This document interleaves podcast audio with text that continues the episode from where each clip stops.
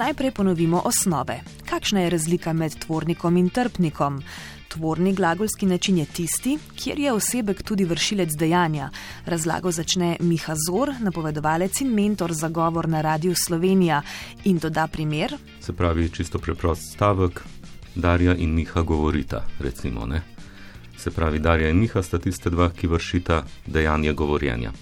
Pri trpniku gre pa za to, da ta osebek obrnemo oziroma iz osebka naredimo predlog je torej tisti, ki je vršilec dejanja, pravzaprav nekako trpen v tem smislu, da je zamovčan, oziroma se na, ni nujno zamovčan, ampak na mesto osebka se postavi pravzaprav tisto, kar je cilj dejanja ali pa izdelek, tudi lahko rečemo. Ne?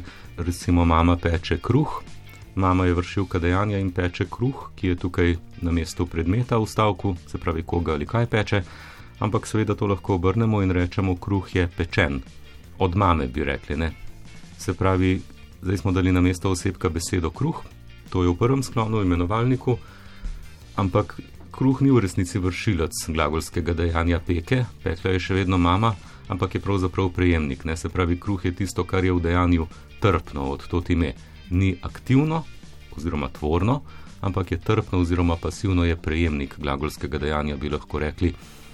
Seveda, beseda v stavku kruh je pečen se to lahko tudi drugače interpretira in tudi je to pravzaprav že stanje po dejanju, se pravi, kruh se je pekel in zdaj je pečen.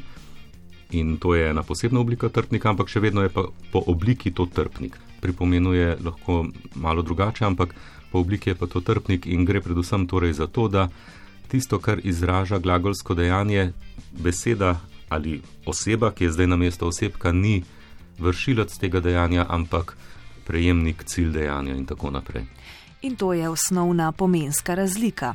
Še opozorilo, v trpnih stavkih je dejanje poimenovano z deležnikom na n ali t. To je ena možnost, druga možnost je pa trpnik, ki se tvori tako, da se uporabi besedica se.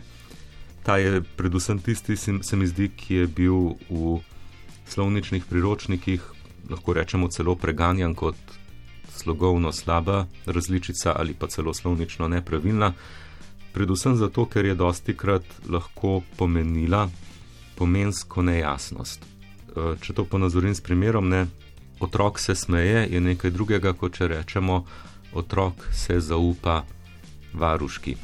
Ker ta drugi primer, in tukaj gre za trpnik, lahko, lahko pa ne, in ravno v tem je težava, je lahko pomensko dvomen. Če S tem mislim, ko rečem, otrok se zaupa varuški ali prijateljici ali komorkoli, če s tem hočem reči, da je on nekaj povedal in se je na ta način zaupal, je to seveda čisto navaden tvorni način in tukaj ni nobenih težav. Če pa jaz seveda s tem mislim, da se je zaupal varstvo in če te besede ne dodam v varstvo in rečem samo otrok se zaupa varuški, pa zdaj ni čisto jasno, kaj to pomeni. In potem so bile celo možnosti, da bi tukaj pri besedi otrok uporabili rodilnik, ne? oziroma tožilnik otroka se zaupa varuški, to je potem seveda pomensko jasno postane, ampak so bile težave in, oziroma ne težave, ampak pomisleki, da je to slogovno, lahko bi rekli, štorasto, nerodno ali kaj takega, predvsem pa, da je to v resnici prevzeto iz drugih jezikov, zlasti gre tukaj seveda pri nas za nemščino, ne, ki je bila v tem smislu najbližje in v nemščini je seveda trpni način nekaj čisto običajnega. In so rekli, da slovenščina se pa tukaj izraža na drugačen način in da se seveda reče varuški se zaupa otroka ne, in da je tako boljše. Zelo znamenit primer, ki smo ga najbrž vsi slišali najpozneje v srednji šoli, je bil tisti išče se Urša Plut kaj zdaj to pomeni, ali da se ona išče, ker je malo zbegana, ali da jo drugi iščejo. In seveda rešitev je bila išče se, uršo plut, iščejo uršo plut, še lepša tvorna oblika. To so bile te dileme v zvezi s trpnikom.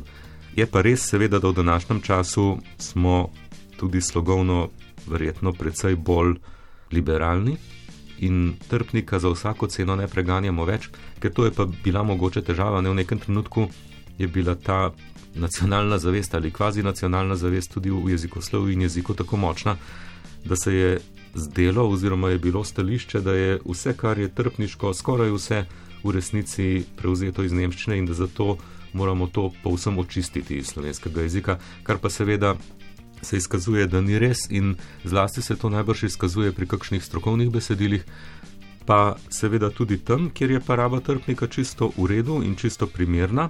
Tak je primer, kot sem ga dal na začetku, kruh je pečen, čeprav spet to je stanje po dejanju. Kruh se peče, bi bila ta trpna oblika, pa tudi to ni nič problematično. Ne?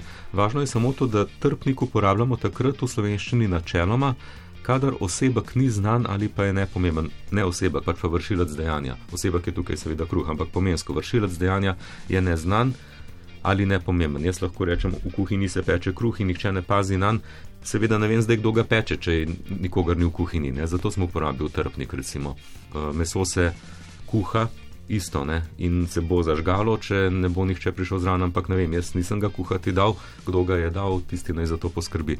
Če tega ne vem, ne. Včasih je pa seveda tako, da je ta osebek tudi neznan ali pa nepomemben v tem smislu, da lahko izraža neko inštitucijo. Naprimer, če jaz rečem, pa to sploh ne dojemamo mogoče več tako kot trpnik, čeprav oblikovno seveda je. Ne?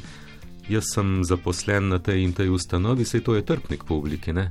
Nekdo me je zaposlil, ampak v resnici vemo, da večinoma, če to niso majhne firme, če so že pri tem, ampak večja podjetja in odvisno na kakšnem položaju si, ni konkretno ena oseba tista, ki te je zaposlila, ampak je to cel sistem. Ne? Se pravi, tukaj so me zaposlili, lahko seveda uporabimo to množinsko obliko, ki je tudi neutralna glede vršilca dejanja, v resnici ne vemo, kdo ta mi so, pomeni vsta sistem, ki je zadaj ali pa rečeš, sem tukaj zaposlen, sem bil odpuščen iz te službe in si zdaj iščem drugo. Recimo. Torej, prav zaradi teh dilem je včasih um, veljalo priporočilo, da se trpniku izogibamo. Se mi zdi, da se bo gotovo marsikateri poslušalec ali pa poslušalka spomnila tega priporočila iz osnovne šole ali celo srednje šole. Tako da danes je to malo bolj liberalno, sva rekla. Je bolj liberalno, ampak vseeno določena priporočila pa še vedno veljajo, ker so tudi smiselna. Tako kot sem rekel, treba je vedeti, kdaj je trpnik upravičen. In to sta osnovno pravilo je to, če zamolčimo vršilca dejanja oziroma ga ne poznamo oziroma je nepomemben. To, da ga ne poznamo ali je nepomemben, to je pravzaprav tisto merilo, kdaj ga lahko zamolčimo. Načeloma ga ne zamolčujemo. Če jaz rečem, naprimer, otrok dela nalogo, je to stavek, ki je smiselen.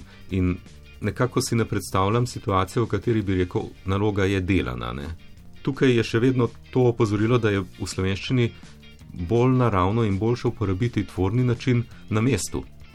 Nekaj drugega je pa, če rečemo, um, naprimer, nova rimska naselbina je bila odkrita pod površjem Ljubljane. Se vemo, da so jo najbrž odkrili arheologi, ampak tukaj to ni tako važno, ker je tudi samo po sebi umevno in ta stavek je čisto dober, ne? za razliko od tistega, ki sem ga prej povedal. Se pravi, smo bolj liberalni v tem, da pač ne razumemo vseh trpnih oblik kot prevzetih iz tujih jezikov, ampak še vedno pa so neka pravila in priporočila, kdaj kaže uporabljati trpnik, kdaj pa ne. Kontekst. Absolutno je kontekst ja, je zelo pomemben. In seveda pomen stavka, absolutno je pa to čisto primeren glagolski način in ni nekaj, kar bi morali cela pregnati iz jezika. Trpnik v slovenščini torej dobro deluje, če je pravilno uporabljen. Če je pravilno uporabljen, je seveda spet trpnik, ker tukaj spet ni nujno važno, kdo točno ga uporablja.